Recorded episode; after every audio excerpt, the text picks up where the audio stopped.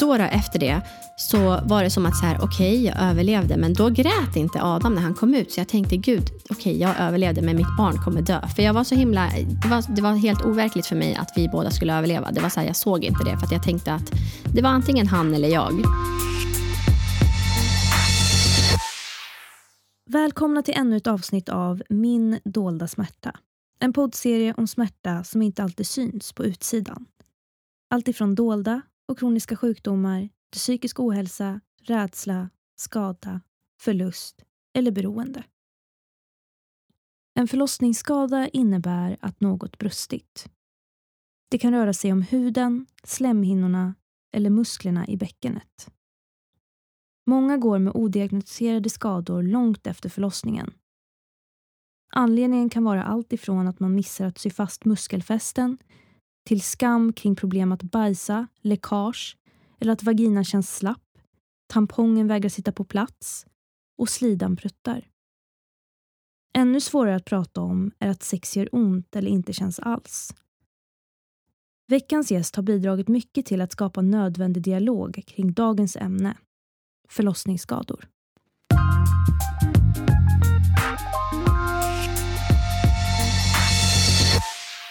En stolt Uppsalabo, mamma, bloggerska, influencer som på sina sociala kanaler delar med sig mycket av inredningstips, matlagningstips men lyfter även ämnen som panikångest och förlossningsskador som hon själv drabbats av. Tabubelagda ämnen som vi ska prata om i veckans avsnitt. Välkommen hit, Wafa Wafai. Tack så mycket. Thanks for having me.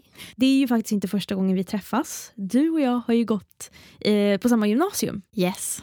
Fyrisskolan. Fyrisskolan. Rapping. Ja, oh, det var så länge sedan. Ja, verkligen. Hur mår du idag? Jag mår jättebra, tack. Det är faktiskt eh, det är bra trots omständigheterna. Eller liksom vad man ska, ja, men trots min eh, situation mm. så är det väldigt bra idag. Och Hur ser en bra dag ut för dig? En bra dag? Då, alltså en bra dag är ju egentligen en smärtfri dag. Det är en bra dag. Men eh, sen så försöker jag också att inte fokusera på smärtan så att det är väldigt mycket annat som kan göra att det blir en bra dag. Ja, men en dag ute i solen med min son eller ja, med familjen eller liksom bara ta det lugnt hemma. Det kan vara bra ändå, men ibland är det så här, när man har ont så kan det vara svårt. Mm. Och vad är, vad är det som händer när du har ont? Ja, men då måste man ju liksom... Ja, men man, jag har ju som ett litet så kit som jag måste börja med. Jag, jag har ett pulver som jag kan ta. Alltså jag har ju olika, lite, lite olika mediciner och, och lite krämer som jag kan eh, ta hjälp av. Men eh, nu har vi inte riktigt kommit in på, på vad det handlar om riktigt. Men, mm. eh, men, eh, jo, men jag har ju ett litet så kit som jag kan ta, ta del av när jag har ont. Mm. Och det, det, det som vi faktiskt ska prata om det är ju just det här med förlossningsskador som du menade nu med precis. kittet, antar jag. Ja, precis. Eh, och vi kommer även prata om att du också har lidit av psykisk ohälsa, mm. panikångest. Mm. Hur kommer det sig att du har valt att prata öppet om det här? Eh, alltså, grejen är att jag, jag har väl känt så här, jag har ju, jag har varit med om eh, väldigt mycket i livet som inte är så trevligt eller inte, ja, men ganska ja, men hemska saker.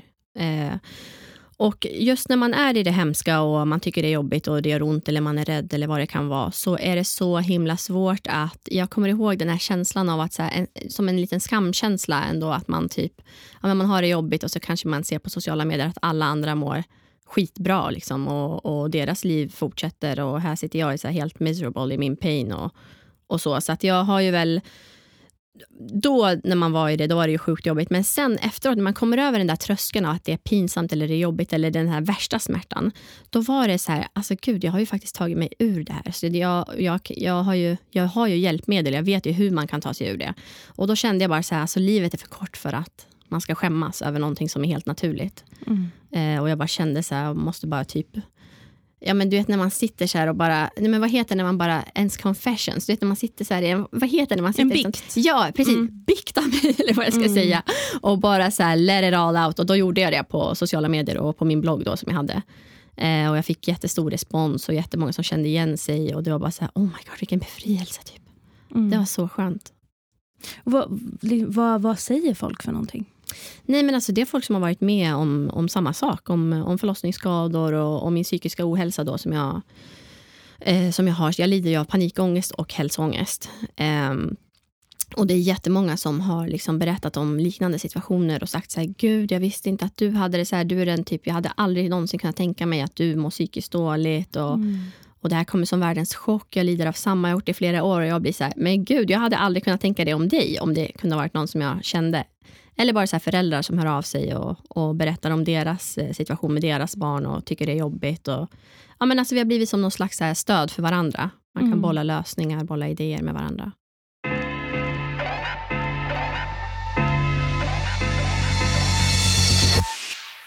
När var det du fick din första panikångestattack?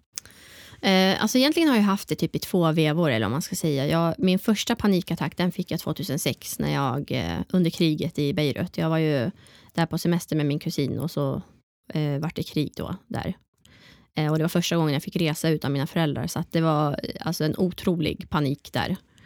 Eh, och sen kom jag tillbaka hit till eh, Sverige då. Vi evakuerades. Eh, För, vad var det som hände där som gjorde att du eh, det, var en milit ja, men alltså, det var ju bara rädslan att så här, vara mm. utan mina föräldrar. Så jag bara kände, mm. alltså, det, det, var bara symptom i hela kroppen. Skakig och liksom kunde inte andas. Och, och jag kände så här, stickningar överallt. Trodde jag skulle dö av en hjärtattack. Jag var 14 år då. Och jag tänkte så här, den här smärtan i min bröstkorg och den här tyngden. Det var, liksom, det var så svårt att hantera. Mm. Eh, och när jag kom tillbaka sen då, då fick jag fantastisk hjälp av min eh, skola. Jag gick på Valsätraskolan då. Eh, då fick de, de alltså synkade mig ihop med en, eh, med en psykolog. Och jag fick KBT-behandling, för jag fick PTSD då också. Um, och PTSD, vad är det för någonting? För de som inte vet. Det är ju posttraumatiskt stresssyndrom. Eh, och det kan man drabbas av om man har varit med om någonting traumatiskt. Typ ett eh, ja, men som krig eller överfall eller ja, men övergrepp av något slag. Eh, och det var väl då som jag så här, kom i kontakt med just panikångest. Eh, så vi jobbade med det, med KBT och det, det, det, gick väldigt bra. Det gick att få en liksom, bra livskvalitet efter det. Men sen då 2014 så drabbades jag av panikångest igen. Men det var så himla mycket kraftigare. Jag vet inte, jag tror att jag kanske hade glömt hur det var att ha en panikattack. Jag var 14 år då och nu var jag liksom, vad, vad kan jag ha varit, 21 tror jag. Minns du vad det var som hände då? Nej, men alltså, jag tror så här, nu när jag har gått tillbaka och så här, ransakat mig själv. Jag tror att det hade varit väldigt mycket på jobbet och jag och min man hade precis rest och jag är otroligt eh, flygrädd. Eh, så det var som en så här, någon slags bägare som bara rann över och det bara var så här full mode panik hela tiden. Mm. Eh, jag blev liksom besatt av, eller det började med en, en kraftig huvudvärk och sen så eh, på akutmottagningen då så trodde de att jag hade en hjärnblödning. Och när jag såg hur alla så här reagerade och sprang omkring och sprang in läkare, då, alltså då var det som att så här Pandoras ask bara öppnades och jag var liksom helt besatt då av att jag hade en dödlig sjukdom. Men så, här, så att du började med att du kände huvudvärk ja, och sen därifrån åkte du till akuten? Ja, precis. Och sen så utlöstes någonting? Ja, och sen ja. så hände bara någonting tror jag. Så här. Alltså kroppen bara, den, den var liksom inte med. Och just när man har panikångest då är det det här eh, typ brandlarmet som varnar när, man, när det är någonting som är fel. Det är ju bra egentligen det här larmet som man har som, en liten, ja, men som ett inbyggt system när man har panikångest. Eh, mm. Ja, men som typ förr i tiden om eh, ja, men typ om en björn skulle komma, attackera, alltså komma bakom dig, då reagerar ju kroppen med en panikattack och du får liksom, ja, men mer blod till de stora musklerna i kroppen, du kan springa, du liksom, dina pupiller, du får bättre, alltså förstår du? Som, och, och, när det inte funkar, ibland kan det så här rubbas och när det inte funkar, då kan det dra igång vid en helt normal situation. Alltså det kan vara liksom att man sitter hemma i soffan och kollar på tv och så får man en panikattack och eh, jag var så himla liksom inne på att så här, det här är en dödlig sjukdom, det här är inte ångest. Eh, så jag åkte in till akutmottagningen faktiskt typ sju, åtta gånger eh, i sträck, alltså sju, åtta dagar. Fick du eh, panikångest varje gång? Ja, nej, jag, jag hade panikångest varje mm. gång och typ där också var det så verkligen panik. Och då kom det en läkare ehm, eh, sista dagen där och han bara, alltså jag vet inte vad, du, jag vet inte vad vi ska göra. Du, liksom, jag, du vill inte gå med på att vi undersöker dig. De ville ta så här ryggmärgsvätska och ja, det hade jag sagt nej till. Eh, och han bara, jag vet inte hur vi ska hjälpa dig. Och där då kände jag bara, så här, gud jag kan inte fortsätta komma hit. Alltså det, det funkar inte så. Eh, så då eh, fick jag prata med en undersköterska och hon sa så här, vet du vad, jag skulle faktiskt vilja skicka dig till psykakuten. Och jag bara, va? Jag bara, vadå psykakuten? Jag bara, alltså det är en dödlig sjukdom som pågår här inne och du föreslår psykakuten. Hon bara, ja men alltså jag måste bara säga, hon bara, jag vill inte prata om privata grejer, men jag har en dotter som har precis liknande. Alltså vi, jag känner igen så mycket i ditt beteende. Det här är panikångest, alltså för vi har ju tagit EKG och vi har kollat prov, blodprov, det visar ingenting. Så att jag skulle verkligen vilja skicka dig dit och jag ville bara vara kvar på sjukhuset. Eh, för att det kändes som någon slags här, trygghet. Om, om den här hjärtattacken skulle komma då, så skulle jag få hjälp. Men så, och mamma bara, men alltså, ge det bara en chans. Vi, vi testar. Så här, Tänk om det är det. Och du bara, bara, det är inte det, men vi åker dit, okej. Okay. Och då gjorde vi det och sen så eh, kom det in så en specialistläkare och gick igenom ja, men vad panikångest var och vad, det, vad, vad, man kunde känna och att det kunde vara så himla verkligt och att det, liksom, kroppen reagerar så här. Mm. Men var det något speciellt som triggade igång de här känslorna hos dig? Ja, men alltså nu när jag tänk, det kunde vara det kunde vara egentligen vad som helst. Att jag kunde se någonting på tv till exempel. Ja, men jag vet inte, någon så här våldsscen eller någonting. Och så kunde jag få en panikattack. Det kunde vara under tiden som jag lagade mat. Så jag vet verkligen inte vad det var som så här, triggade igång just den panikattacken. Men jag tror att jag hade varit under alltså, lång tid, alltså jag hade haft, varit stressad väldigt länge. Mm. Och jag är en sån person som har jättehöga krav på mig själv. Jag vill liksom leverera till 110 procent. Det är så här, allt eller inget i, med allt typ mm. i livet. Eh, för mig. Så då eh, tror jag att det var väldigt mycket och kroppen hade försökt säga ifrån på olika sätt. Att det så här ryckte i ögonen, jag kunde känna mig helt utmattad. Alltså jag, var, jag var väldigt trött då också. Eh, men, och, och, det är det som jag tror hände. Att det var, jag hade varit stressad under en längre period och kroppen bara pallade inte mer. Så det här var liksom kroppens sätt att visa att så här, det här är inte okej. Okay, och nu tänker jag bete mig så här. Mm. Och, och, det kändes som att vi, vi var inte vänner, alltså så som, som vi är idag, mm. jag och min kropp. Och hur påverkade det här dig? Nej, men det blev en jättestor omställning. Alltså det var ju liksom... Jag var ny. Jag tror jag hade varit gift i sex månader då. Och eh, det blev en jättestor omställning. Det var liksom, jag vågade inte vara själv. Jag fick bli sjukskriven för det första för att det, det gick liksom inte. Vi försökte, jag försökte vara på jobbet men där fick jag panikattack och ja, men jag sprang ut och det, det, det gick liksom inte. Mm. Um, och eh, och jag, var, och jag var också rädd för att vara själv. Så då eh, fick min mamma, eh, min man Hussein och min syster, hon flyttade hem faktiskt från London för att vara med och ta hand om mig. För att det blev som att så här, jag kan inte vara själv för att jag är rädd för att jag ska dö. Så ni måste ta hand om mig nu. Eh, så de fick typ turas om. Så här, Hussein jobbade, jag kunde vara med mamma lite. Sen kom min syster. Alltså det, var liksom, det, var bara, det var bara en väldigt mörk period det där med, eh, med panikångesten just. Eh, och jag fick vänta e- ett tag innan jag fick psykologhjälp. Ehm, och då hade jag först samtalsterapi och sen fick jag KBT och det var egentligen det och stödet från min man och familj som gjorde att jag kunde bryta det här värsta och börja liksom jobba med mig själv. Minns du något tillfälle, om du tänker tillbaks, någon gång där du verkligen kände att, att, det var, att, att du mådde riktigt dåligt? Ja, alltså jag minns en gång, eh, vi bodde inne i stan då innan vi, vi, nu bor vi i ett hus, men då när vi bodde inne i stan i en lägenhet så minns jag att jag, var, jag väcktes av en panikattack. Alltså mitt i natten, det var en lördag, typ klockan tre på natten, jag minns det så väl. Och ehm, eh, jag vaknade upp och liksom panikattacken var redan igång och jag fattade ingenting. Jag tänkte så här, gud, vart är jag? Vad är det som händer? Jag, det är en hjärtattack nu. Så jag liksom flyger upp ur sängen och, och börjar springa omkring och, och, säger att jag ska dö. Och jag, alltså jag skriker rakt ut. Och, och, min man vaknar och jag är så här, du måste ta mig till akuten nu. Alltså jag, jag, det är en hjärtattack som är eh, på gång nu. Eh, och han var så här ny, han fattade ingenting. Han bara, men vad, jag först, han bara, vad pratar Han bara, kom och lägg dig här. Han bara, lägg dig i sängen så han bara, så vi kan prata en stund. Jag bara, nej du förstår inte mig. Och det blev så här som att, alltså det kändes då, där och då, vi hade ju, han hade varit med om så många panikattacker som jag hade haft, så han visste ju att det var en mm. panikattack. Men mm. jag kände ju att jag skulle dö och kände så här, vi förstår inte varandra. Så jag säger så här, nej men vet du vad, jag skiter i det här. Och så sprang jag ut i pyjamas eh, då och folk var så på väg hem från krogen då. Och jag bara sprang mot eh, jag tänkte att jag ska springa mot polishuset eller ska jag springa mot sjukhuset för att någon måste rädda mig. Och så här, Jag kunde höra så skratt i bakgrunden. För att jag, alltså jag kan tänka mig så nu idag hur eh, galet det måste ha sett ut. Jag så skriker och gråter att jag ska dö. Och sen kommer jag på så att nej, jag kan inte springa till sjukhuset. Jag kommer hinna dö innan så jag måste ringa till polisen. Så jag ringer 112 och skriker att jag, att jag är på väg att dö nu. Och eh, de på SOS de, hon frågar så här, är du skadad, blöder du någonstans? Och det, det är så många frågor som jag säger, nej men du fattar inte, jag håller på att dö nu. Hon bara, men är du skadad?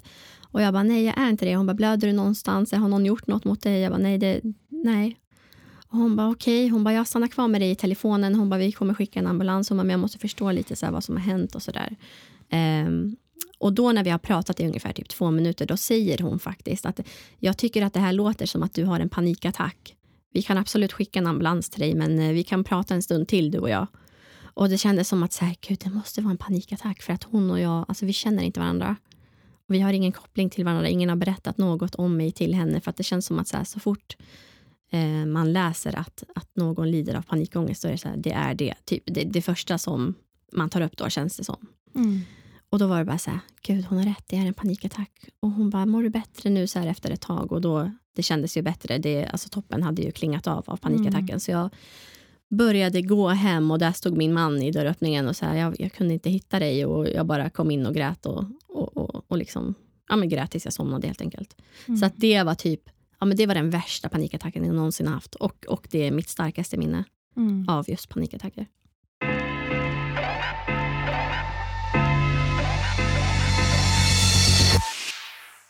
Hur hanterar du de här känslorna idag? Nej men alltså idag, jag ser det väldigt mycket som att så här, det blir vad man gör det till. Alltså antingen kan jag vara kvar i de känslorna av hur jobbigt det var och liksom så här skuldbelägga mig själv och ja, men vad jag gjorde mot min relation och mot min familj och alla de här sakerna. Men grejen är att alltså det är ju så långt ifrån det. Jag tyckte så synd om dem då minns jag men idag tycker jag synd om mig själv också mest Mm. av alla. Alltså så här, stackars min kropp, stackars mig. Mm. Varför tyckte du synd om dem? Ja, men jag kände så att jag var en belastning. typ. Och jag, jag, var ju faktiskt, alltså jag mådde ju faktiskt så dåligt att jag funderade starkt på att ta livet av mig. Så jag gick faktiskt och en dag ställde mig där vid tågrälsen vid Kvarnen i Uppsala och tänkte så här, jag ska bara avsluta det så att, eh, och liksom end the suffering för alla bara, kändes det som då. Men jag blev faktiskt stoppad av en, av en kvinna. Oh, wow. Ja, hon, hon, alltså jag stod där och grät och jag tänkte så här nu, så fort de lyfte, alltså nu snart ska jag bara göra det och det, det blir så hetsigt i, alltså det, man är ju sin största kritiker och i, jag kallar mina onda röster för Cruella. Och när Cruella är liksom igång, då är det, det är så onda tankar. Du vet när man bara så här, ja men bara min hjärna attackerar mig och typ så här hetsar mig, typ så här gör det bara, gör det bara. Och sen så stod, och jag stod och grät och då stod en kvinna där och så sa hon så här, hej, så här ganska högt. Och det var bara som att allting bara bröts, alltså mina tankar och jag blev så här helt, ja men du vet man kom ur sitt game av vad man faktiskt tänkte göra. Och då sa jag det bara, hej, och så sa hon så här, är du okej? Och då blev jag bara så här, jag var så förvirrad. Jag tänkte så här, gud vad ska jag svara nu? Det här är så pinsamt. Och jag bara, jo men det, det är bra tack. Och så sa hon så här, du om det är okej så skulle jag vilja att vi går över tillsammans. Och jag bara, ja, jo men det kan vi göra så här. Och då gjorde vi det och då frågade hon flera gånger sen om, det, om jag var okej eller om hon kunde ringa någon. Eh, och då sa jag nej, det, det, alltså, det är faktiskt bra. Jag, jag, jag klarar mig, tack snälla. Och efter det så var det så här, shit vad höll jag på att göra där? Alltså vad var det som nästan höll på att hända där? Och då tänkte jag så här, gud jag måste berätta om det här för någon. Mm. Så jag berättade för min psykolog. Ehm, och vi jobbade stenhårt med de här tankarna. Och, och jag, jag var liksom helt med på att det här kommer aldrig ske igen. Jag vet bara inte hur det kunde ha blivit så dåligt och så mörkt. Men grejen är att det är så där med, med onda tankar. Att man liksom kan gräva sig ner i det där så mycket. Och om man inte berättar för någon, då kan det, alltså det kan gå riktigt illa. Så att när jag pratar om det här också på mina sociala medier, då är mitt största och bästa tips att man så fort du får en sån här tanke så måste du berätta för någon. Mm. För att eh, alltså din hjärna den mår inte riktigt bra just då och de här tankarna de är inte realistiska, de är inte på riktiga, de grundar sig liksom i någonting. Då, alltså när du mår dåligt så kan du liksom inte lita på de här tankarna helt enkelt. Nej. Ehm, så att, eh, jo men det, idag är det ju mycket, mycket bättre. Jag skulle, just nu känns det som att det aldrig någonsin skulle kunna hända igen för att så här, jag har ju fått så mycket hjälp genom åren och så mycket erfarenhet och jag vet hur jag ska hantera de här tankarna och, och hur man ska förhålla sig till dem. Mm. Och hur gör du det? Nej, men alltså jag ser dem som ett, eller det här är det exemplet som jag alltid tänker på för det är så himla bra. För jag, jag ser det som att eh, ens hjärna är en klarblå himmel. Och under dagen så kommer det passera tankar i form av små vita moln. Vissa moln är ganska mörka och andra är så här ljusa bara lite. De bara kommer där. Och, och, jag, och jag ser det som att så här, när Cruella är igång då är de ganska mörka och ganska stora och då kan det vara så här, men du är så dålig. Alltså det är sen när man bara Eh, Alltså just panikångesten tycker jag att du- du- tankarna är, de är så himla bra på att attackera. Du- För du vet ju, du känner ju till dina svagheter. Typ att så här, jag, jag tyckte det var så jobbigt att, eh, att, jag, att min man behövde passa mig helt enkelt. Alltså om man ska säga det så. Och då när jag mådde dåligt kunde det komma som ett väldigt mörkt moln och bara Ja ah, men du är en sån belastning för Hussein, alltså sjukt jobbigt. Mm. Kolla vad ni var för par innan liksom, och folk såg upp till er och du var liksom som en, ja men jag vet inte, som en profil i Uppsala och kolla liksom vad, vad som har hänt nu. Och, Um, och så kunde den passera sen och sen var det liksom över. Så jag ser det som att så här, det är inte fakta, det är inte på riktigt. Det grundar sig inte i någon sanning whatsoever. Så det är bara som ett ont litet moln som bara vill, som en liten hatare som bara vill finnas där och sen mm. passera. Så alla såna, alla negativa tankar som jag någonsin har haft om mig själv nu och ja, men liksom då ser jag bara som mörka moln som bara kommer passera och sen kommer det bli en klarblå himmel igen. Och sen så när det kommer så här vita, gulliga, fluffiga små moln och så här, men fan du är snygg idag, och det där gjorde du riktigt bra. De försöker jag komma ihåg och hålla kvar vid. Som är positivt tänkande, Precis. älska alltså, sig själv. Ja, för grejen är att det är du själv, alltså jag har lärt mig det här och det är så sant. Det är du själv som bestämmer hur sanna dina tankar är. Och om du bara så nonchalerar de här negativa och fokuserar på de positiva så alltså du blir ju fantastisk. Alltså jag tycker att typ den här versionen som jag, den här versionen av mig själv som jag är idag, den älskar jag så mycket. Ja, men det är så härligt att höra. Ja, alltså jag är så stolt över den. Ja, verkligen. Och det, det är verkligen sant det du säger det här med att det blir vad du gör det till. Ja. För du märker ju nästan ganska snabbt att har du en dålig dag, eller ja. en dålig morgon till och med, då blir resten av dagen jättedålig om du fortsätter tänka de här negativa tankarna. Mm. Och jag mm. tror det är samma sak när det kommer till en själv och hur man ser sig själv. Att försöka tänka så positivt som möjligt och försöka få bort de här negativa tankarna som dyker upp någon gång ibland. Ja, men verkligen. Dagen. Ja, men verkligen. Och jag, jag säger det nu, för varje morgon när jag, jag går upp, jag ställer min klocka typ halv sex bara för att jag vill vakna före alla andra. Och så mediterar jag en stund. Och sen går jag till spegeln och så säger jag så här, du är bäst, jag älskar dig, let's do this. Och jag sen, älskar det. Ja. ja, funkar det, det, då? Ja, det funkar. Alltså det funkar. Och när det, och när det är någonting som går dåligt och man bara så här, fan, jävla skit då, då blir jag bara så här, nej vi ska inte fokusera på det här. Nej, vi släpper det här. Det här har hänt. Jag kan inte kontrollera den här situationen. Jag kan inte göra den ogjord. Det är liksom bara att köra på nu. Mm. Så jag, eh, de får inte ta så mycket stor plats i mitt liv. Allt, allt det dåliga helt enkelt. Mm. Ja. Om du tänker tillbaka till stödet från vården. Mm. Vad tänker du där? Alltså, jag älskar den svenska vården. Alltså, det är den bästa i hela världen. Eh, alltså, trots att jag aldrig har upplevt vård i något annat land. Men det kan jag verkligen säga. för att de Alltså just psykiatrin, mina psykologer som jag har haft, de är hjältar. Alltså de är verkligen... Och så KBT, alltså KBT-terapi, kognitiv beteendesterapi, när man ja, men liksom programmerar om hjärnan, eller vad man ska säga om man ska förenkla det väldigt mycket. Det är så bra för såna här eh, ångestsjukdomar och eh, panikångest och hälsoångest som jag lider av. Eh, och just min första psykolog, Helena Sundin, alltså jag, än idag kan jag bara säga, hon, alltså hon räddade mitt liv för att hon Eh, vi hade kontakt i, i några år och hon var så himla bra och så här saklig. Och just den där grejen med att så här, ja, men det är pinsamt att prata med en psykolog. Nej, my god, det är det bästa du kan göra, den bästa investeringen i hela ditt liv. Alltså så här, så himla bra. Och jag bara kände så här, du vet, var, jag tyckte det var så jobbigt och att jag var en belastning för min familj. Men när jag kom dit, jag bara spydde, galla, grät ihjäl mig. Och hon bara satt där och så här, ja men, eh, för vi kom överens innan om att så här, man, kan, man får inte gulla med mig för att då eh, då kommer jag bara sitta där den timmen och, och böla. Eh, så då var vi så här, vi kom överens om att jag skulle få komma dit, spy galla och sen så skulle eh, jag få gråta. Och sen så skulle hon bara, okej okay, men är du klar nu? Ska vi sätta igång? Mm, och då var det så här, ja men mm. okej okay, jag är klar. Och så var jag så här, okej okay, men vi går igenom dina övningar som du hade förra veckan. Alltså hon var så skön och så bra. Mm. Eh, så jag tror absolut att psykologhjälp är bland det bästa, alltså förutom stödet från ens familj och, och mm. ens, och ens eh, vänner såklart. Och självhjälpen som du ja. själv har skapat. Det känns ju som att bloggen på något sätt mm. och dina sociala medier har blivit någon typ av terapi för dig. Ja, verkligen. Alltså, då var det när hon föreslog att jag skulle eh, skriva ner mina tankar. Då var det i form av en dagbok. Men jag tänkte bara så här, äh, jag skriver dem i en blogg så att jag kan, alltså det är ju ja, typ teknologin idag, att man kan gå tillbaka i sin telefon och kolla på sin dagbok typ. Eh, och sen så växte den bloggen och folk, det blev bara en så himla stor grej att jag Ja, men, alltså jag tänker typ så här, folk med, eller där jag kommer ifrån, så är det väldigt ovanligt att man så med um, utländsk bakgrund pratar om psykisk ohälsa. Mm. Eh, alltså det var jätte, min mamma visste inte ens vad ångest var. Vi fick, hon fick följa med till min psykolog och de fick förklara för henne. För det var så här, mamma var så här, nej men alltså när vi växte upp i, i Beirut, jag vet inte, alltså vi, det var ingen som mådde dåligt. Alltså jag vet inte. Så här, och jag bara, det är klart att ni mådde dåligt, ni kanske bara inte vågade ta hjälp. För då var det mer som att så här, man var galen om man var om man behövde psykologhjälp. Tror du att det, skammen som du kände, som du nämnde i början, att, att det grundar sig någonstans i det?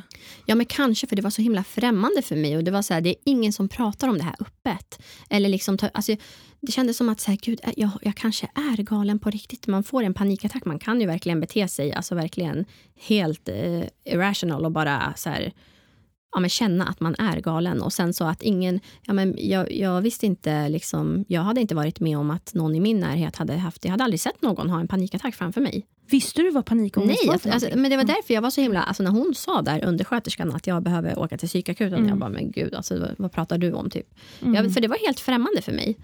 Eh, så att det var säkert att skammen kom därifrån också. Men det var också just att ingen annan pratade om det. Och Det kändes som att alla var så himla lyckliga och glada. Och här är jag så helt miserable och typ verkligen ingen livslust alls.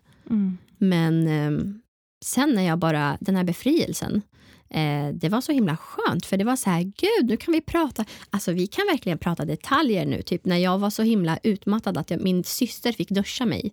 Alltså jag satt där i badkaret naken och skämdes och grät och hon bara, men alltså lägg av, jag ska, det här är helt normalt. Min syster är psykolog. Mm. Eh, och ett jättefint alltså, stöd faktiskt, som man kan eh, ja, men alltså spygalla till mm.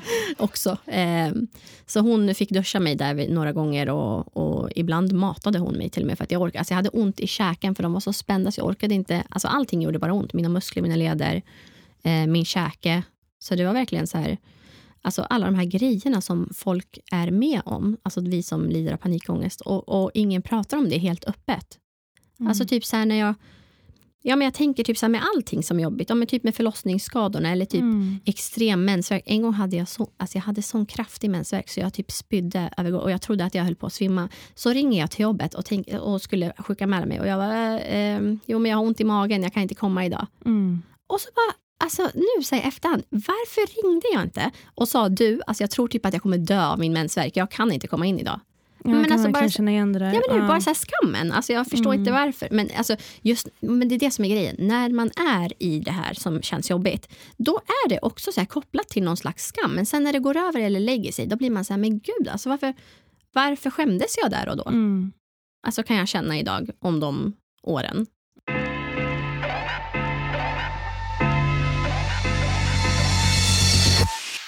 Du pratar ju också om dina förlossningsskador mm. som eh, du fick när du födde Adam.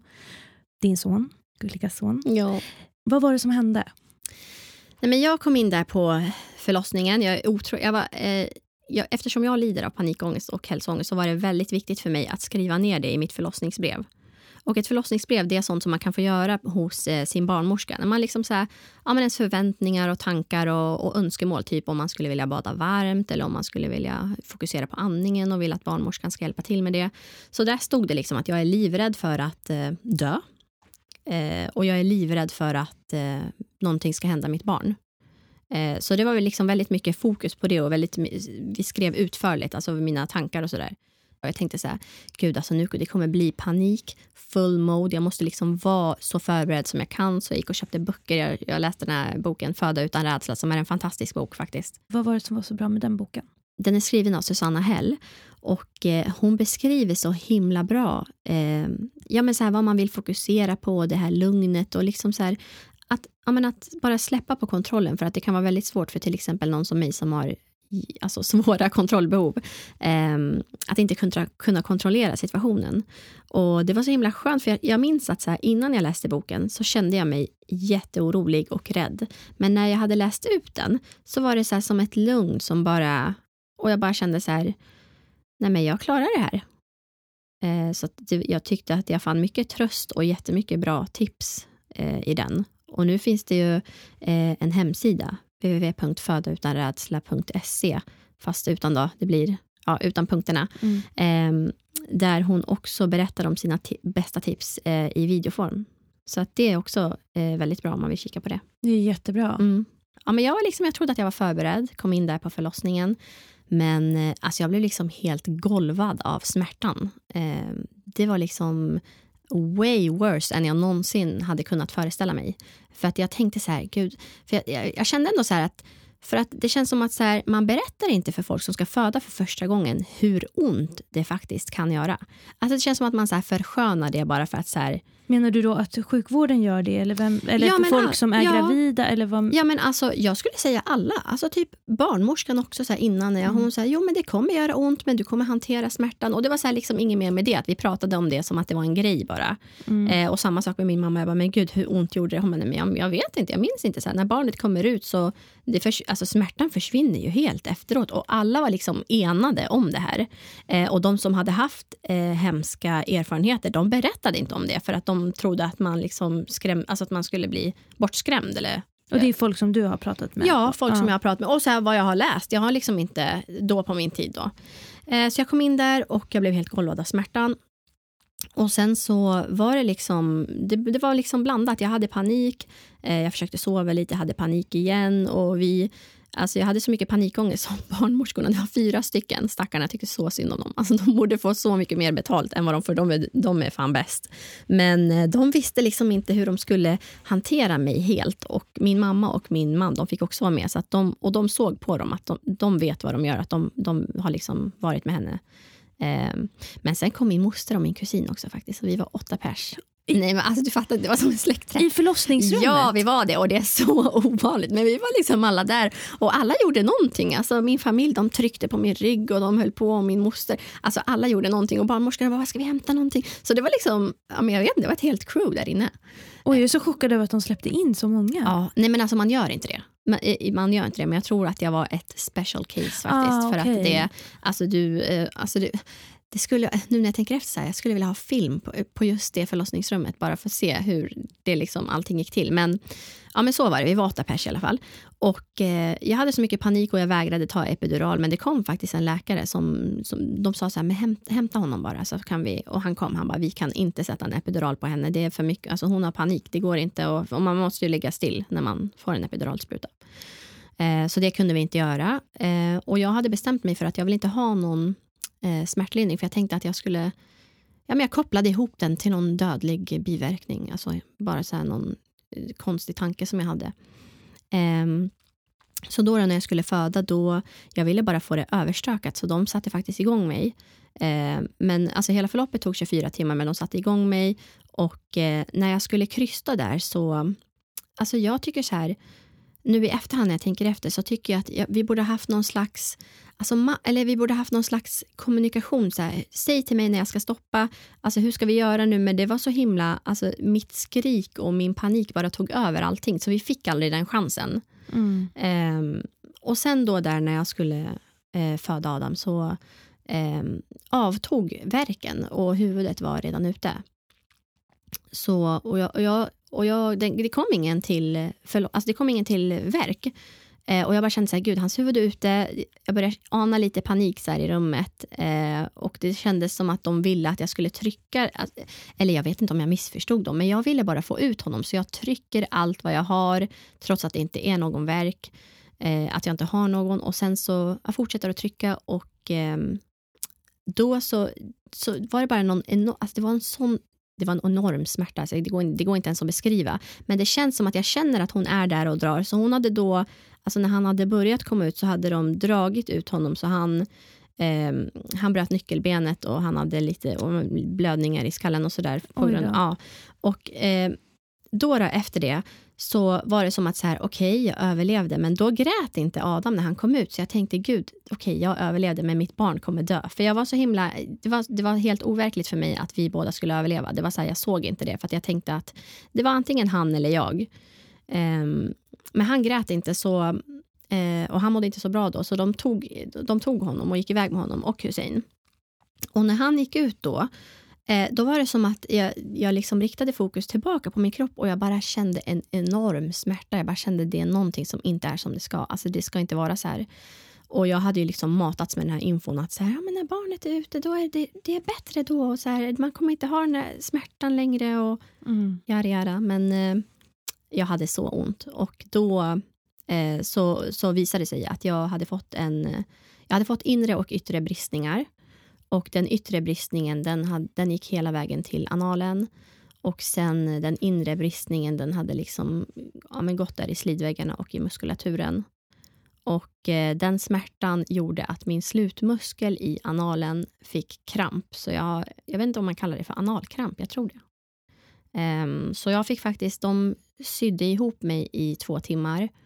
Um, jag fick inte träffa Adam på typ åtta timmar och det var bara så här panik. Jag tänkte att någon av oss kommer dö. Um, men sen när de hade sytt ihop mig uh, så gjorde det fortfarande så otroligt ont. Och då visade det sig, eller det visade inte sig, vi upptäckte det långt efter att jag hade en, en ganska stor spricka i, anal, uh, i ändtarmen. Aj då. Ja. Och hur har det här påverkat dig? Ja, men det har påverkat mig så mycket. Alltså, hela första året var bara liksom miserable. Um, jag hade så ont och jag liksom jag hade, vi var ett kompis, ett, ett tjejgäng som alla blev gravida med typ så två månaders eh, skillnad. Och eh, Det kändes som att så här, jag ville vara med på allt det här men jag hade också så otroligt ont så det känns som att jag gick miste om Alltså jag gick miste om den här lyckan som du vet, så att vara nyförlöst, man har sin bebis och Adam han hade ju så ont och vi upptäckte ju inte att han hade brutit nyckelbenet förrän typ tre dagar efter. Men det visade sig vara ganska vanligt. Men han hade ju så ont så, också så att första månaden, han bara grät och jag hade så ont och liksom så här, mina toalettbesök, det var det värsta. Alltså de var nummer två. Det gick liksom inte. Jag låg, och, och hade, alltså jag låg i fosterställning efter varje toalettbesök och grät bara för att det gjorde så ont. Och hur hanterade du det här? Nej, men alltså jag, fick, alltså jag fick ju stöd av äh, mamma och, och min syster och, och, och, och, min man. Men liksom, alltså jag kunde fortfarande inte förstå hur det kunde göra så ont. Alltså det gjorde så fruktansvärt ont och jag sökte hjälp flera gånger. Um, men jag tycker så nu i efterhand att det var så lite virrigt. Man visste liksom inte vart man skulle söka. Jag gick till gynakuten.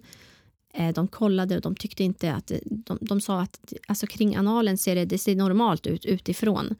Um, och vi kan inte, och så skulle de liksom um, känna med ett finger om de kunde känna något. Hon kände ingenting och det kändes som att jag, alltså när de stoppade in ett finger i min anal, det kändes som att så här, en till förlossning typ. Ja, jag kan tänka mig det. Ja, det var hemskt. Och sen så att det var just att de inte hittade någonting och att det var flera stycken och ibland hade de med sig studenter, du vet, och man bara så här ligger där och skriker och gråter och de vill så här och I början är det så här, är det okej okay att studenten är med? Och jag kanske egentligen inte kände det, men jag ville bara få hjälp så fort som möjligt. Så jag bara, men okej. Okay. Och så står de där och liksom så här, kollar in du vet, i ens underliv när man liksom ligger där helt utblottad och har smärt, alltså så ont.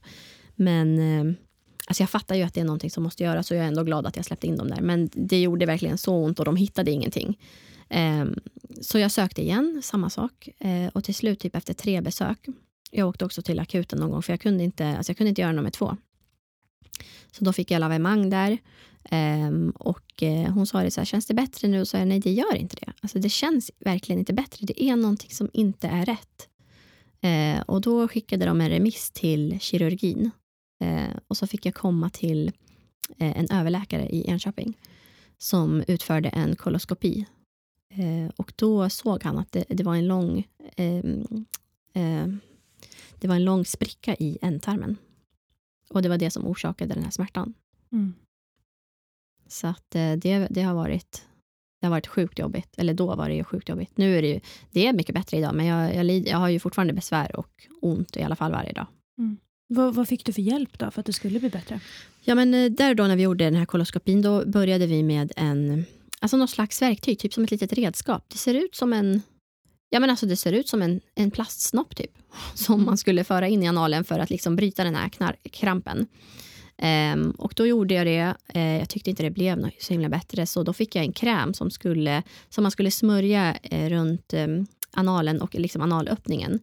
Uh, och den skulle göra att muskulaturen slappnade av och att det, det liksom skulle gå att utföra nummer två. Men grejen är med den att man också kan, det kan också börja läcka avföring. Och det gjorde det. Och det var så himla sjukt för att vi, vi satt hemma så en dag och eh, vi satt på soffan. Eller jag satt på soffan och då märkte jag så här, gud det är avföring på soffan. Jag trodde det var Adam. Alltså det här, ja, men alltså det här var så. Och jag tänkte så här, gud det är Adam. Men sen så, ja men jag bytte, jag tvättade, jag gjorde allting. gick och satte mig igen och så hade Adam. Och då hade jag inte ens honom i soffan. Och det var avföringen. Jag bara, men gud det är ju från mig. Så det läckte bara, ja, det utan läckte. att du märkte? Du ja. kände inte ens Nej, det jag kände inte. Alltså, det var så sjukt. Det, det läckte avföring och jag bara kände så här, gud nej det här går absolut inte. Um, och grejen att det gjorde inte så himla stor skillnad i så här smärtgraden. Eh, så jag kände så här, nej men det här kommer jag sluta med nu. Och då vet jag faktiskt att det finns, nästa steg i det här är att man får en botoxspruta eh, kring, alltså runt analen också, eh, som gör att muskulaturen slappnar av. Men då kan man få samma problem igen. Men jag tror att det kan, jag tror att det kan hjälpa, så att det är ändå värt att testa. Eh, och om inte det funkar, då finns det en operation som man så manuellt kan gå in och liksom, eh, bryta upp krampen, eller vad man ska säga. Mm. Eh, och jag har inte gjort de två sista, så att, eh, jag vet inte. Jag, jag, tror att det finns hopp nu, för att, jag, för att innan det, alltså när, man, när jag har läst på nu och fått så mycket tips av andra, så kan man faktiskt vända sig till fysioterapi. Eh, och där, eller jag har hört talas om en person i Uppsala som är sjukt duktig på eh, triggerpunkter och som har eh, botat analkramp. Mm. Så det ska jag faktiskt testa innan jag får en spruta i analen. Oh, vad spännande, jag hoppas ja. att det funkar. Ja, jag hoppas också det. Men på vilket sätt har det blivit bättre för dig idag? Är det någonting annat du gör för att, eh, för att ja. motverka? Ja, alltså grejen är att jag, det finns ju en massa eh, olika andra grejer som man kan ta. Till exempel så har jag det här lilla kittet som jag pratade om i början. Mm. Men, eh, och då så är det som ett litet lager av Movicol. Det är ett pulver som man kan blanda med vatten eh, och dricka. Och det ska göra att eh, avföringen blir mjuk. Mm. Eh, så det är alltid bra att ha och det är jättebra att äta så fiberrik mat. Så att man, alltså man, grejen är att man ska undvika att få förstoppning. För att det gör sjukt ont vid toalettbesöken. Alltså det gör mer ont än en mjuk avföring. eller vad man ska säga. Eh, så man ska ja, fiberrik mat och så finns det det där Movicol. Och sen om du mot förmodan har slarvat eller blivit förstoppad så har jag alltid ett litet lager av eh, Klyx som är typ lavemang. Alltså som så här, en tub som man kan trycka upp. Det ser ut som värsta flaskan och det ser ut som så här, nej men gud det här tänker jag inte göra. Fast girl, alltså man måste typ göra det. Det är bara att göra det. Och det kommer bli bättre efter det. Eh, så det har jag och så har jag mikrolax. Eh, och allt det här har liksom med avföringen att göra. För att man, ja, men man vill motverka förstoppning och man vill behålla en mjuk avföring. Och det har faktiskt gjort att den har läkt lite grann. Den går, det känns som att den går upp hela tiden och jag kan känna av den och sådär. Men den, alltså den gjorde faktiskt att det läkte eh, mer, än, ja, men, mer än det här värsta då, som var i början. När den var liksom helt öppen, bristningen. Vad bra. Ja, jättebra. Och grejen är, om jag hade vetat det här innan så tror jag att jag hade kunnat bli bättre tidigare. Så det är därför jag är så här, men vissa har varit så här, men gud, det är så himla, alltså, du pratar så himla öppet om det här, jag blir typ generad. Det är så här, men alltså scrolla förbi då, för att det, alltså, vi måste, hjälpen måste ut. Folk, kvinnor måste veta att det går att bli bra. Alltså, jag tycker det pratas för lite om eh, just ja. förlossningsskador idag. Och sen är det så himla allvarligt. Alltså, grejen är att det känns som att, så här, nu känns det som att jag säger så här, avföring för att jag vill att det ska vara så här, att ingen ska bli generad. Men grejen är på mina sociala medier, så här, men bajskorven och liksom så här, alltså grejen är att man måste liksom, det måste vara lite roligt i det här jobbiga. För att jag är ju utifrån, alltså jag ju, har ju kommit bort från det där allra värsta. Så jag måste liksom visa ljuset för de här andra kvinnorna som tycker att det är sjukt jobbigt just nu och skäms. Alltså att det finns någon annan som pratar om det. För mm. jag upplevde inte att det fanns någon som pratade så här. Vad hade du önskat under den här perioden? Ja, jag hade önskat att jag hade hittat någon som mig och bara fått höra alla de här grejerna och bara shit, oh my god, jag ska gå till apoteket nu. Jag ska ladda upp med Klyx, Movicol, alltså mikrolax. Men kunde inte, sa inte läkarna något om det här till dig? Nej, alltså grejen är det här är så himla sjukt för att när jag kom in på akuten då fick jag ju lavemang. Alltså då fick jag ju en sån här klick som hon hjälpte mig och, och visade mig hur man gjorde och sådär. Och på förlossningen, jag önskar att jag hade fått någonting då. Alltså jag önskar att jag hade fått det här pulvret då. Men då fick jag plommon. Alltså förstår du? Och så här. Ja, för om vi går tillbaka till förlossningen, det är det här jag funderar lite över. För de, de visste ju att du hade fått skador efter din förlossning och jag undrar hur det hanterades i efterhand, om det blev någon uppföljning eller jo, men alltså man får typ ju, stöd? Jo men vet du, man får ju ett efterbesök och det är ju mm. jättebra. Men grejen är att det var så här, jag har så ont så hon bara, jag vill inte, alltså jag vill inte undersöka, jag vill inte stoppa in ett finger så att du ska få ännu mer ont. Hon bara, jag tycker hon bara, det här låter som någonting som inte riktigt stämmer så du behöver söka mer hjälp. Mm. Eh, och då gjorde jag det, men det var så oklart. Alltså, jag skulle vilja ha en manual, typ så här, lyssna på mig. Om du har ont nu, då, du kan vända dig till ehm, eh, du kan vända dig till gynakuten.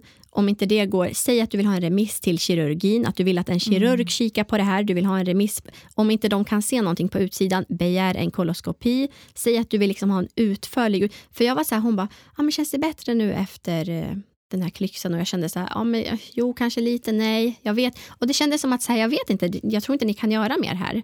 Och, och det var bara så här, om man hade haft lindrigare besvär hade jag velat säga att, hade jag velat att det ska finnas så en, ja, men också en, en liksom lista vart du kan, du kan gå till fysioterapin om det liksom läcker urin, för det kan det göra. Alltså det gör det än idag på mig. Jag kan inte gå utan trosskydd. Det liksom läcker urin för att ja, men jag var inte så himla ordentlig med mina knipövningar och plus att jag har typ tappat kontakt med muskulaturen där känns det som.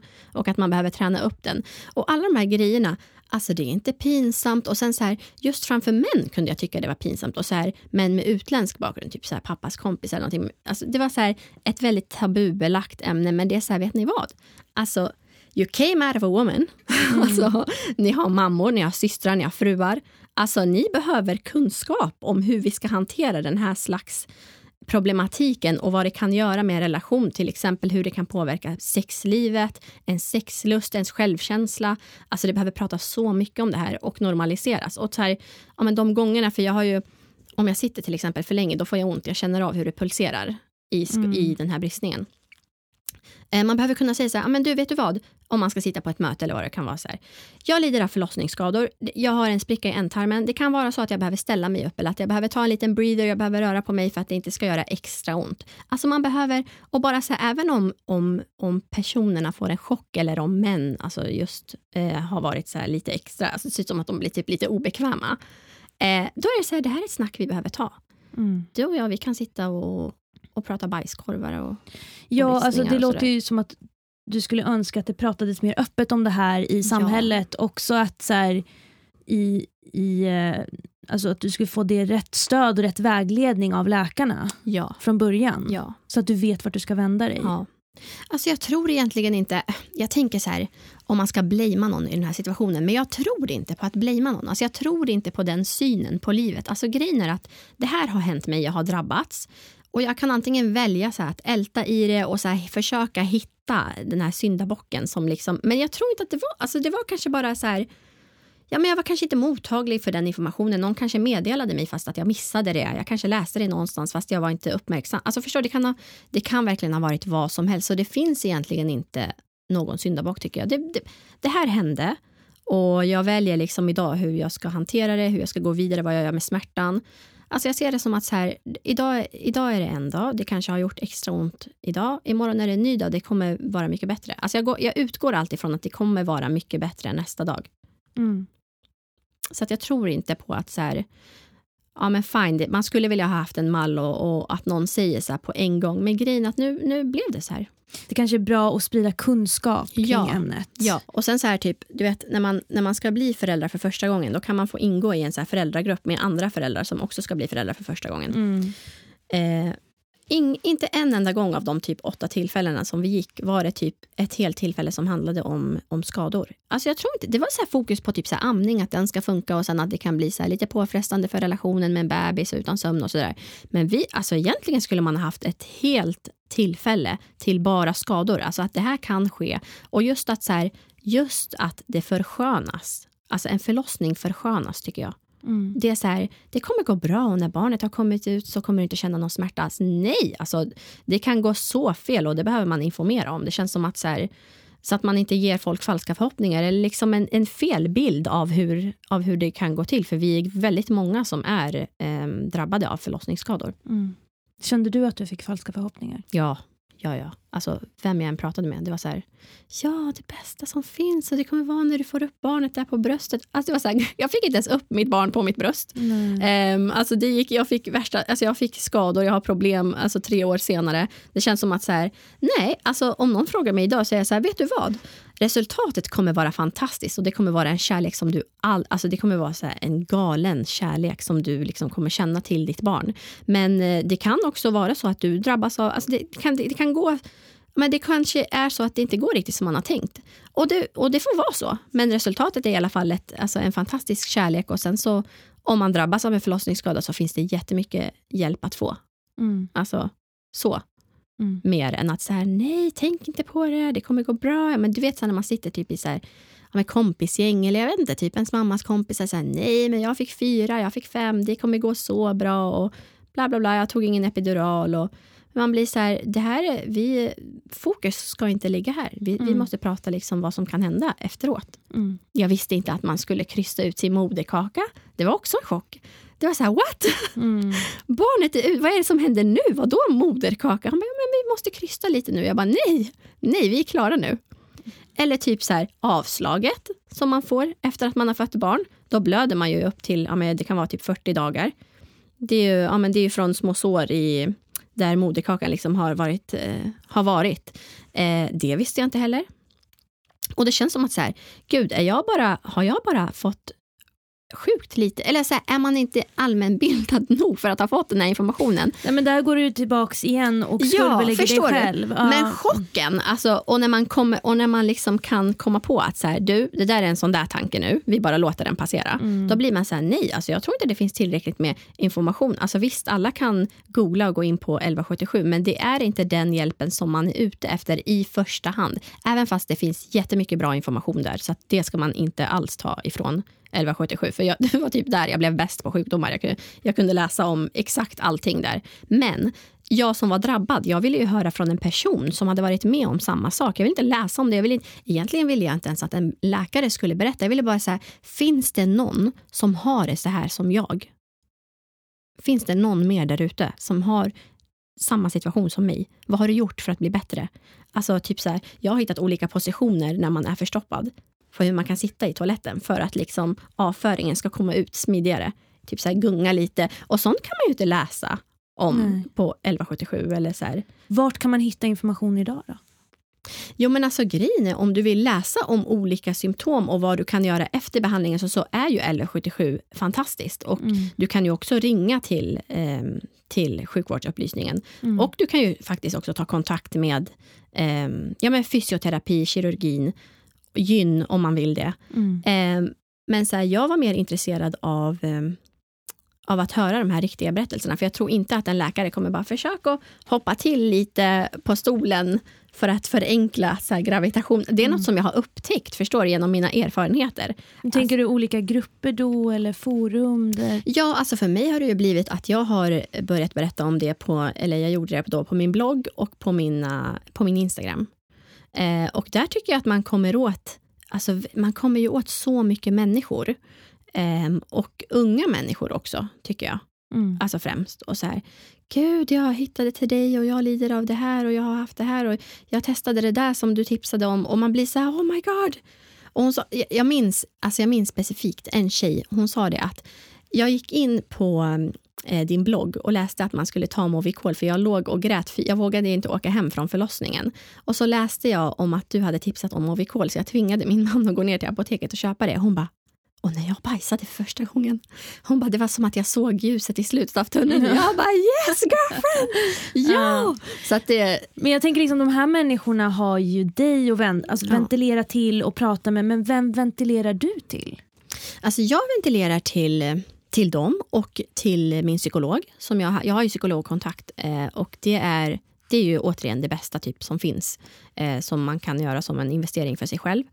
Eh, och man ska också så här, berätta för sin partner, berätta för sina vänner, någon man litar på. Eh, Och om det är besvär som, du, som gör att du liksom blir helt begränsad i din vardag, då ska du söka vård. Men eh, jag tycker absolut, alltså mina bästa tips, eller nu så här, som jag kan tipsa om, det är ehm, det här efterbesöket är jättebra. Barnmorskemottagningen, fysioterapin, eh, kirurgin och sen om det skulle behövas så kan man ju, alltså som den här operationen då, om det skulle vara samma skada som jag har, så är det typ, jag har hört att det blir jättebra efter det. Mm. Så att, eh, alltså jag testar mig fram, men jag ska testa nu med eh, fysioterapin. Ja, jag håller tummarna för det. Ja, jag med. Och hur skulle du säga att du hanterar både ångest och förlossningsskador idag? Ja, men jag hanterar dem väldigt bra. Alltså jag, eh, det är just de här, jag, har inte, jag har faktiskt inte haft en panikattack på väldigt länge. Jag kan känna så här hur det kan börja bubbla till sig i bröstkorgen och man kan känna den här tyngden och det blir lite kallsvettig och sådär. Men det blir aldrig så här en kraftig eh, panikattack längre och eh, det är jag väldigt tacksam för. För att jag känner så här, nu har jag de här verktygen som jag har liksom lärt mig under åren och eh, just att jag har Eh, Adam då, min eh, lilla pojke som snart är tre år. Eh, han är typ den bästa styrkan ever för att han är så här, alltså vet du vad, det jag var med om det var så hemskt och jag, jag, jag tror inte ens att jag skulle vilja vara med om det igen. Men grejen är, för, alltså för Adam så hade jag gjort det alla dagar i veckan, alltså i resten av mitt liv, för att få just honom. För, så det var ju verkligen för man fick ju någonting fantastiskt och det här lilla alltså knytet av kärlek. Det är som att så här, hjärtat exploderar av kärlek. Så att han är en enorm styrka. Det känns som att så här, ångesten får inte ta lika mycket plats för att jag, och tid, för jag har liksom inte så mycket tid för det för att jag ägnar mig åt Adam. Det är mm. liksom varje, han behöver ju stimuleras varje sekund som han är vaken, typ, känns det som. Så att eh, det har liksom knuffat undan ångesten lite. Så det har varit, han har varit en enorm styrka för mig. Och sen så att göra sånt som man tycker är kul också såklart. Och bryta det här dåliga måendet som man kan ha ibland. Fint. Skulle du kunna tänka dig att gå igenom en till förlossning? Alltså det är så himla svårt. Så som det ser ut just idag så skulle jag nog inte kunna tänka mig det. Men alltså man drömmer ju om tanken så att han ska få ett småsyskon eller att vi ska bli en större familj än tre. Men eh, just, just idag känns det som att nej, det är inte aktuellt. Vad skulle du säga att du är mest tacksam över idag? Alltså jag är så tacksam för livet. Det känns som att så här, jag har varit med om så mycket alltså det känns som att så här, jag har varit med om så mycket skit. Men jag har liksom klarat mig igenom alla de här grejerna. Alltså så här, krig, panikångest, hälsoångest, förlossning, förlossningsskada. Alltså jag har så mycket som jag bara så kan klappa mig själv på axeln för.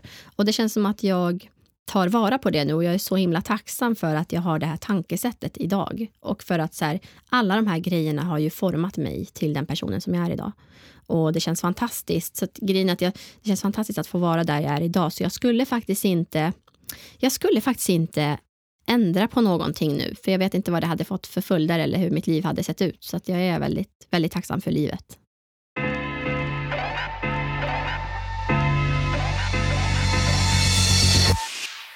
Du nämner ju många gånger att eh, din man Hussein och din familj har varit ett jättestort stöd för dig. Eh, och Du nämnde också att du fick väldigt dåligt samvete över den belastning som du kände att du blev i själva förhållandet. Mm.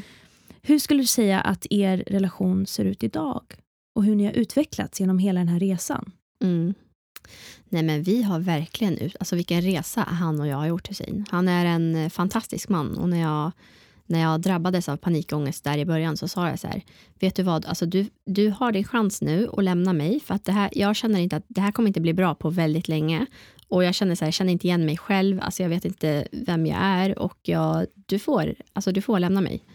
Eh, men för honom var det verkligen så här i vått och torrt. Och det låter så himla klyschigt, men det var då som jag så fick uppleva att det är verkligen det. Och vi blev en familj på ett helt annat sätt. Och han har ju verkligen funnits där, ja men mer än någon annan egentligen, för han har ju fått leva med mig eh, under den här tiden. Och så här, allting drabbades. Alltså, vi var ju ett jättesocialt par. Tyckte om att gå ut och käka och bo på hotell och åka bort och sådär. Och, och allt det där bara liksom slopades. Och det, det fanns inte längre. Och ja, men så grejer som så här, en sexliv. Alltså jag, jag var ju så himla... Jag var helt övertygad om att jag skulle dö om jag fick upp pulsen. Så jag var så här, jag vill inte ha sex, jag har ingen sexlust. Och, och min psykolog, han fick ju följa med till min psykolog och hon, hon pratade om det här. Men eh, jag tror absolut att det är, är någonting som, alltså att varje par drabbas fast på olika sätt. Och jag tror att det är jättemycket som, ja men det blir en så himla stor omställning, i alla fall för oss. Men eh, jag tycker att idag är vi verkligen, ja men han är, alltså han är en klippa. Jag, jag har sån respekt för honom för att han liksom, ja men höll ut och så här, red ut stormen. För nu, nu är det ju mycket bättre och nu, ja men jag tycker han är världens bästa man och vi är ju så här, ett superteam nu. Det känns som att vi klarar vad... Det finns ingenting som skulle kunna liksom Cruella och livet, ingenting kan slängas på oss som inte vi kan klara. Mm. Hur ser du på era framtidsplaner tillsammans? Jo, men vi har många framtidsplaner. Alltså det känns som att säga, ja, men kolla på någon sommarstuga kanske och vi vill resa med Adam. Nu är det ju första gången typ han skulle förstå om man skulle åka utomlands med honom. Ja, om, det, om det blir bättre så att man kan resa. Um, men vi har mycket planer. Vi vill, vi vill fortsätta utvecklas. Och han liksom, vi stöttar varandras drömmar. Han, uh, han är en gymkille, så jag stöttar hans gymdrömmar och han stöttar min Instagram-dröm och liksom, ja, men allt det jag vill göra. Ja, för det kommer in på nästa grej här. Så här, Vad har du för drömmar? Mina drömmar? Ja, men jag vet inte. Jag tror att jag, jag, skulle vilja att min eh, Instagram växte mer och jag vill nå ut till fler, till fler människor. Och sen så när det ser annorlunda ut så skulle jag vilja börja föreläsa igen om psykisk ohälsa, för det har jag gjort. Um, så det skulle jag vilja komma igång med igen. Eh, och sen så ser jag fram emot att få se Adam växa. Så det ska bli så kul så här, framtiden. Nu kan man ju ha en riktig konversation med honom. Eh, så att det känns jättekul. Jag tror att det kommer bli superbra. Jag vet bara inte hur, alltså jag vet inte hur vägen dit kommer se ut till att här, nå mina, de här drömmarna. Både karriärsmässigt och i mitt privatliv. Men jag vet att det kommer bli, det kommer bli jättebra. Mm. Jag litar på the process. Och avslutningsvis då, om du fick gå tillbaks till den här tiden där du mådde psykiskt dåligt. Vad hade du sagt till dig själv då? Alltså jag hade sagt, jag älskar dig, du är bäst, let's do this. För att grejen är så här, livet är för kort för att vara elak mot sig själv eller liksom grubbla i det här ältandet. Det kommer bli bättre och inget mående varar för alltid. Så även när man tror att det inte kommer gå att bli bättre om man känner att man är en belastning och man känner så här, jag har ingenting kvar att kämpa för, så ska du veta att det finns minst 20 anledningar till att kämpa. Så att hang in there, det kommer bli bättre. Bra sagt. Tack. Tack så jättemycket för det här samtalet, Wafa. Tack själv för att jag fick komma. Fortsätt inspirera. Och för de som vill hitta dig på sociala medier, vad heter du där? Där heter jag wafafai.se. Och din blogg? www.wafafai.se. Tack. Tack. Vi ska inte riktigt avrunda än. Samtalet fortsätter med Sofia Erström, läkare med specialistkompetens inom gynekologi och obstetrik.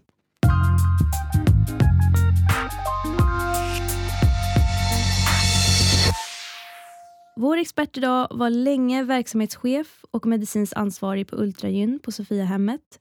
Specialistkompetenser har hon inom gynekologi och obstetrik. Idag jobbar hon på BB Stockholm och Nacka sjukhus inom allmän gynekologi och som opererande gynekolog. Hon beskriver sig som medicinare med humanistisk och naturvetenskaplig grund, flerbarnsmor med ett genuint intresse för vulvasjukdomar och förbättringar inom kirurgin kring bland annat förlossningsskador. Välkommen hit Sofia Erström. Tack så mycket. Kul Tack att för att jag fått komma hit. Ja, men det är kul ja. att ha dig här. Ja. Sofia, jag är lite nyfiken på en sak. Du skriver ju på LinkedIn att du är flerbarnsmor. Som ja. jag nämnde precis också. Mm. Hur många är fler? Eh, jag, har, jag har sex barn. Eh, jag har ju två eh, bonusbarn också. De är lite vuxna nu, men jag vill gärna nämna dem också. Så du har egentligen åtta barn? Ja, ja det finns åtta härliga individer som eh, roterar runt i, i vårt liv. Ja. Det Gud vad härligt. um, och var det också därför du valde att specialisera dig inom just gynekologi? Eh, jag hade tänkt att bli vad som helst utom gynekolog eftersom eh, min pappa var det. Jag tänkte jag kan inte göra samma sak. Men eh, när jag väl började arbeta inom specialiteten så ja, det var ju omöjligt att, att inte bli gynekolog. Det är, det är ett fantastiskt yrke. Jag är väldigt tacksam för det. Vad är det du tycker är så fantastiskt med yrket? Det handlar om eh, livets centrala delar. Det är fortplantning, det kan vara glädje och sorg blandat. Och, eh, eh när det gäller kirurgin, man kan förbättra livskvaliteten och förebygga allvarliga sjukdomar. Eh, ja, det rymmer liksom livets alla delar. I dagens avsnitt så pratar vi ju bland annat om eh, förlossningsskador, eh, vilket du har väldigt mycket erfarenhet av. Vi har, jag, jag är utbildad på Danderyds sjukhus och där eh, har man länge, då man var först i landet med att eh, starta en eh, bäckenbotten, ett bäckenbottencentrum. Och det har gjort då att jag har ett grundmurat och genuint intresse för förlossningsskador ända sedan jag började inom specialiteten för drygt 20 år sedan. Jag gör det fortfarande på, på ja, nästan varje vecka. Eh, och reparera regelbundet förlossningsskador som uppstår direkt i anslutning till förlossning. Mm. Men det är tyvärr en del kvinnor som eh, behöver hjälp i ett senare skede som, som inte ja, blir riktigt handlagda där i samband med förlossningen. Och då kan jag hjälpa till i ett senare skede mm. Eh, och reparera de skadorna på olika sätt. Och Varför tror du det är så? Eh, ja, det är inte så lätt alla gånger det här med att diagnostisera eh, förlossningsskador. Ehm, även fast man eh, försöker vara två stycken barnmorskor som, som diagnostiserar så eh, kan det ju vara så att man ändå inte riktigt upptäcker förlossningsskadan. Det är i varje fall så att det är ett antal kvinnor som behöver hjälp i ett mm. senare skede. Och där kan jag också finnas till hands. Mm. Och på vilket sätt hjälper du de här kvinnorna som behöver hjälp i senare skede? Ja, det är ofta kvinnor som eh, har fått höra att allting ser bra ut eh, vid efterkontrollen som är några veckor efter förlossningen. Men de känner tydligt att det inte står rätt till. Man kan ha olika problem med att eh, inte kunna tömma tarmen normalt eller att man inte kan hålla gaser och i värsta fall avföring. Och, eh, eh, och en del andra problem som smärtor och tryck och tyngdkänsla. Det kan vara väldigt mycket olika saker. Vilka är de vanligaste? Ja, det är, det är nog eh, eh att man inte eh, kan tömma tarmen ordentligt. Mm. Och eh, ja, då hjälper jag dem med att diagnostisera det här. Man måste bli lyssnad på som patient. Det är min devis det är att patienten har alltid rätt. Mm. Så är det. Jag beundrar verkligen barnmorskorna för det, det jobb de gör. Mm. Eh, de jobbar verkligen oerhört hårt för att hjälpa alla kvinnor som ska föda. Men eh, eftersom det rör sig om ett stort antal så blir det också några stycken som kanske inte riktigt får det, det allra lilla sista hjälpen som de skulle behöva. Mm. Och det är mänskligt att det blir så. Men hur behandlas de här kvinnorna hos dig när de väl söker hjälp? Ja, det beror ju helt och hållet på vad det är för, för skada det gäller. Eh, barnet ska ju passera genom förlossningskanalen så att det kan ju uppstå problem på olika nivåer. Och det där, eh, då får man skräddarsy behandlingen beroende på vad det är som är problemet för just den kvinnan. Mm. Så att det kan röra sig om olika saker. Mm. Och Vad är det för olika nivåer? Jo, men det kan, eh, man brukar faktiskt dela upp det här. Det finns då en eh, forskare i USA som heter Delancey som har delat upp skadorna på nivå 1, 2 och 3. Och, eh, nivå 3 det är det vi klassiskt kallar för förlossningsskador, alltså mellangårdsskador och eh, skador på ändtarmsmuskeln. Eh, men det finns ju skador högre upp och det kan eh, grad 2 eller eh, nivå 2 snarare. Då handlar det mer om eh, framfall och så. Och ehm, nivå 1, ja då kanske det har släppt lite högre upp i slidan istället. Alla de här konsekvenserna ja, det kan uppstå i samband med, med egentligen bara graviditet. Det är inte nödvändigtvis förlossningen det är kopplat till. Mm. Mm. Och vilka skador är mest svåra att upptäcka? Ja, det är sånt som inte syns eh, vid första anblicken. Och eh, då, då kan man, eh, dels så kan man ju komma ganska långt med en bra undersökning. Man, man måste undersöka via ändtarmen samtidigt som man inspekterar i slidan. Och det där är ju något som vi faktiskt inte har gjort tidigare så, så mycket som idag. Det tycker jag är en stor förbättring. Att man är duktigare på att, eh, och det är redan på förlossningen, att man undersöker mm. mm eh, på det sättet. Och sen kan det ju vara tryck och så, som upp, att det uppstår nervpåverkan mm. under barnets eh, passage genom förlossningskanalen och det syns ju inte. Men kvinnan har ju ett stort problem. Mm. Då gäller det att vara lyhörd och förstå att det är det det handlar om. Och sen kanske kunna uttala sig något om vad, vad kan vi förvänta oss här för tillfrisknande. För om det är något som kvinnan behöver så, så är det ju att, att få veta vad det handlar om, få en diagnos och sen ja, vad handlar det om för prognos egentligen? Och kan vi reparera det här på ett förhållandevis enkelt sätt? Eller vad är det för insatser som behövs egentligen? Är det bäckenbottenträning eller kontakt med en uroterapeut? Är det eh, elstimulering? Det kan vara på alla möjliga nivåer. Mm. Kirurgi kommer ganska långt ner på listan faktiskt. Mm. Men jag tänker liksom innan de här skadorna upptäcks Pratas det någonting om det här i, inom förlossningsvården? Eller för förstföderskor till exempel? Ja, man har ju startat en eh, bäckenbottenutbildning eh, 2017 Eh, det är verkligen en eh, stor satsning där man eh, då har utbildat både i sutureringsteknik och i att diagnostisera skador. Man är ju alltid, som jag sa, två barnmorskor nu för tiden. Det var inte så förr. Och det har förbättrat diagnostiken. Det, det kan man ju se i de kvalitetsregister som finns. Så det är ju oerhört bra. En, en bra start. Mm. Utan kvalitetsregister så kan man, vet man ju faktiskt inte riktigt vad utfallet är, utan det är ju en förutsättning. Mm. Eh, så att det har startats, eh, startats ett eh, bristningsregister. Där man, först så började man kartlägga grad 3-skador, alltså ändtarms muskelskador. Men nu har man också lagt till grad 2-skador. Och det är vissa regioner i landet som registrerar det, men inte alla. Så att det är ju på gång. Och det är ju oerhört positivt. Mm. Och det kan vi ju tacka Eva Ostal för som har startat bristningsregistret. Mm. Och för de som inte vet vad suturering är, skulle du kunna beskriva det Sofia? Ja, det handlar helt enkelt om att man syr ihop skadan. Vilka bristningar ger mest besvär på lång sikt? Ja, det är ju ändtarmsmuskelskadorna tveklöst. De ger ju, det är de som är viktigast att upptäcka. Mm. Eh, för det kan ju leda till eh, eh inkontinens, analinkontinens. Och vad innebär det? Ja, det betyder att man läcker eh, avföring. Man kan inte kontrollera vare sig det och det kan också vara gaser. Så det är ju förstås det som ger mest problem. Och vad kan man göra åt det? Ja, man kan, man kan sy ihop skadan. Och det är det här som är så viktigt då med bäckenbottenutbildningen, att man upptäcker det direkt vid förlossningen så att man kan åtgärda det direkt. Mm. Och det tycker jag har blivit, eller jag vet att det har blivit väldigt mycket bättre. Om, återigen, om man tittar på kvalitetsregistren så har ju eh, risken för att man ska drabbas av en sån skada gått ner i Sverige.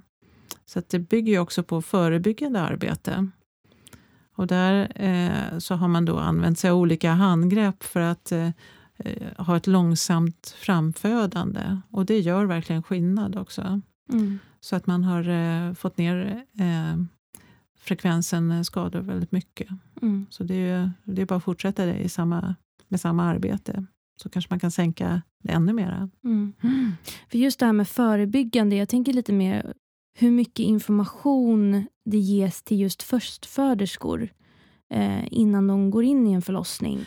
Ja, jag skulle tycka eh, jag skulle säga att eh, kvinnor är väldigt väl pålästa idag. Det är ju en fördel med internet och att det, informationen finns tillgänglig för alla.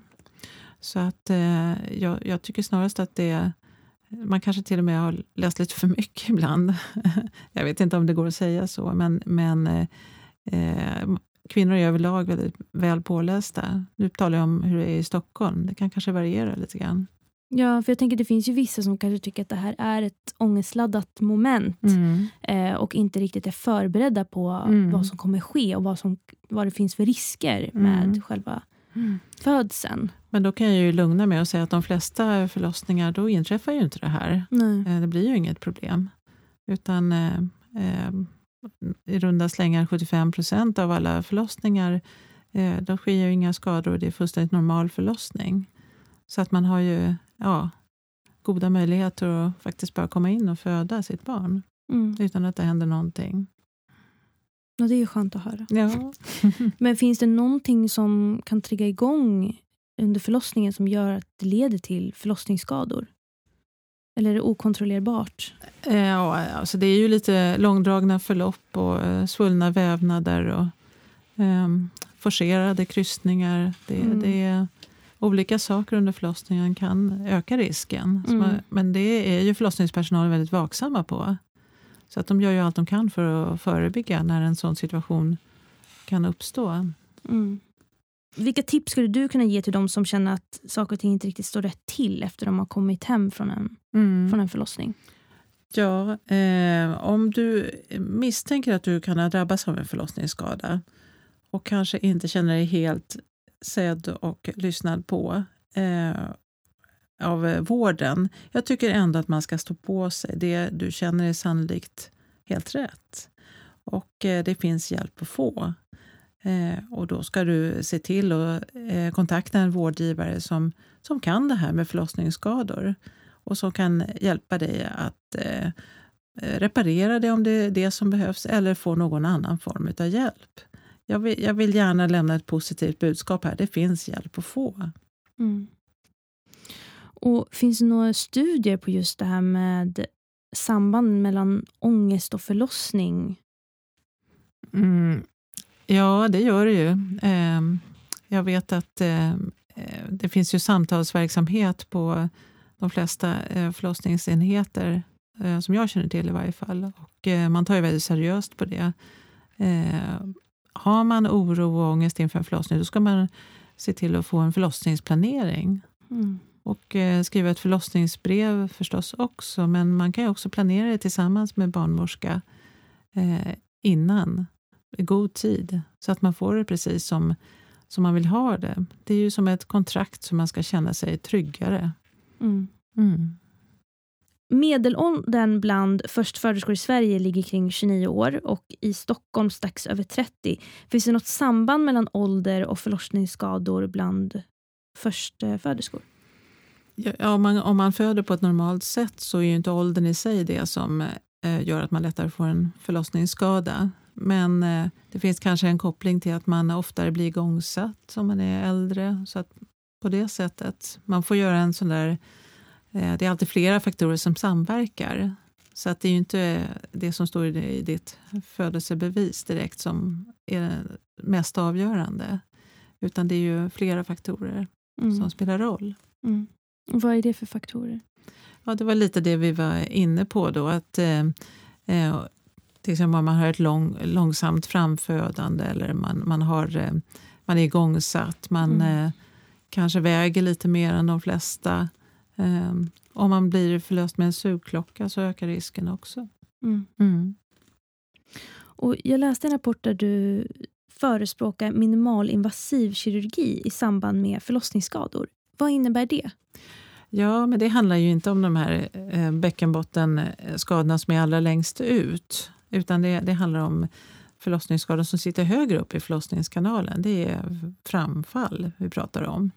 Och eh, då, då kan man alltså använda sig av eh, eh titthålskirurgi för att eh, rätta till den typen av skador. Så att, men det här är ju en individuell bedömning hos den enskilda kvinnan var ens förlossningsskada eh, är, är belägen.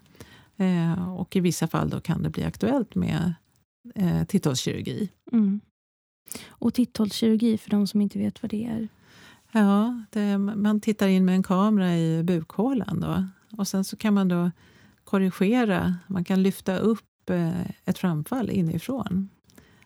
Det finns en väldigt bra metod som man kan använda som är internationellt sett den, den bästa metoden. Så den, den har jag lärt mig och ja, vi har velat kunna erbjuda det. Mm. Som del i hela omhändertagandet av förlossningsskador. Så att man kan ta hand om hela kvinnan. Mm. Det är jättebra. Mm. Ja, jag tycker det. Verkligen. Och Redan eh, 2012 så startade du och din man Jan Ultragyn på Sofiahemmet i Stockholm. Och I samband med det så hittade jag ett citat som du skrivit. Ja. Eh, vi är övertygade om att vi som en mindre vårdenhet kommer att kunna ge kvinnor, de kvinnor som kommer hit en mer personlig omvårdnad än vad ett större sjukhus klarar av. Även för samhället tror vi att det är en fördel om den här typen av sjukvård utförs vid sidan om sjuk, sjukhusens verksamhet. Ja, och då, då var vi ju en eh, liten verksamhet, men sen så blev vi ju sedermera en ganska stor verksamhet. Mm. Eh, så jag, jag, kan säga så här, jag tycker ju att eh, det är ju inte så att man inte kan hantera det här på storsjukhusen. Det, det kan ju missförstås liksom, om det står så där. Men, men eh, det handlar bara om att man kan och jobba mer kring den enskilda kvinnan med kortare beslutsvägar. Och ibland kan ju det stora sjukhuset uppfattas som det kan vara lite trögt med, med remisser som tar lite tid och, och så. Och en sån organisation, det som krävs, till exempel att ha en bra sjukgymnast, en uroterapeut, eh, tillgång till eh, eh ultraljudsdiagnostik eh, och eh, eh, experter inom, inom bäckenbotten. Det kan man ju organisera utanför sjukhusen. Och ja, så har vi gjort också. Så vi erbjuder ju just eh, ultraljudsdiagnostik av bäckenbotten samtidigt med Eh, det första besöket hos oss där man kommer och har en misstänkt förlossningsskada. Och då får man ju faktiskt allt ett gjort vid samma mm. besök. Mm. Och det måste ju vara smidigare för patienten rimligtvis. Mm. Och sen är vi också samma personer som sen opererar patienten om det är så att det blir aktuellt med det. Och är det så att man istället behöver kontakt med en sjukgymnast, ja då har vi våra upparbetade kanaler med människor som vi vet är duktiga på det de gör och eh, ja, har goda möjligheter att skaffa en, en tid utan att det behöver handla om så himla lång väntetid. Därför att det är ju många kvinnor som behöver den här hjälpen och det är långa väntetider till bäckenbottencentrum. Varför är det så långa väntetider? Ja, ja, nu beror det väl mest på coronapandemin skulle jag säga, men eh, även innan det så var det ju långa väntetider. Mm. Eh, det, det, måste ju handla om tillgång och efterfrågan. Mm. Och om du har fått förlossningsskador, förutom hjälpen du får av eh, sjukvården, vad kan du själv göra? Du tänker bäckenbottenträning och sådana saker? Ja, men precis. Ja. Jo, man kan ju bäckenbottenträna. Eh, tyvärr så var det ganska nyligen en, en studie som visade att eh, just vid eh, bäckenbottenskador så kanske inte bäckenbottenträning hjälper så bra alla gånger. Så det var ju bara 11 procent som blev bättre. Det var en studie som gjordes på SÖS för inte så länge sedan. Så att jag vet inte hur mycket tid man ska lägga ner på det, ärligt talat. I vissa situationer kan det vara jättebra med bäckenbottenträning. Man kan ju förebygga urininkontinens. Det är ju visat att man kan minska den risken. Eh, eller om man har bäckenbotten, om man har urininkontinens förlåt, så eh, eh, kan man minska det med 40 procent, det besväret. Så att då är det ju värt någonting, absolut. Mm. Och avslutningsvis då, hur kan vi lyfta frågan om förlossningsskador? Ja, men det här är väl ett alldeles utmärkt exempel på hur man kan lyfta det. Så, ja, det som är så bra med, med poddar är ju att det når ju alla. Så, och framförallt de målgrupper som, som eftersöker den här informationen. Eh, så att jag tycker det är jätteviktigt att sprida information på, på alla sätt. Och sociala medier är ju också väldigt bra. Det är också till, tillgängligt för alla.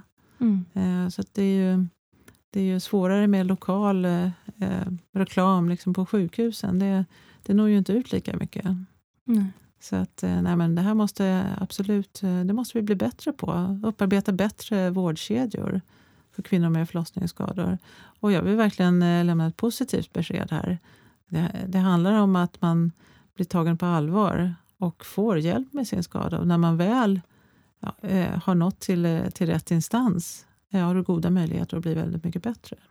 Mm. Det är bra. Ja.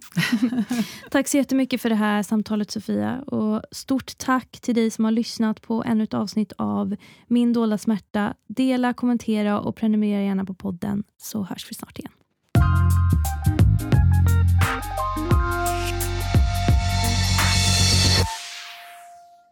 Min dolda smärta spelas in hos Smile röster och ljudproduktion. Ljudtekniker Pontus Leander. Redaktör och programledare Athena Afshari. Regi Martin Forsström. Producent Andreas Segerfält. Programmet produceras av So You. Ett stort tack till alla som delar med sig och ger en röst åt dolda smärtor.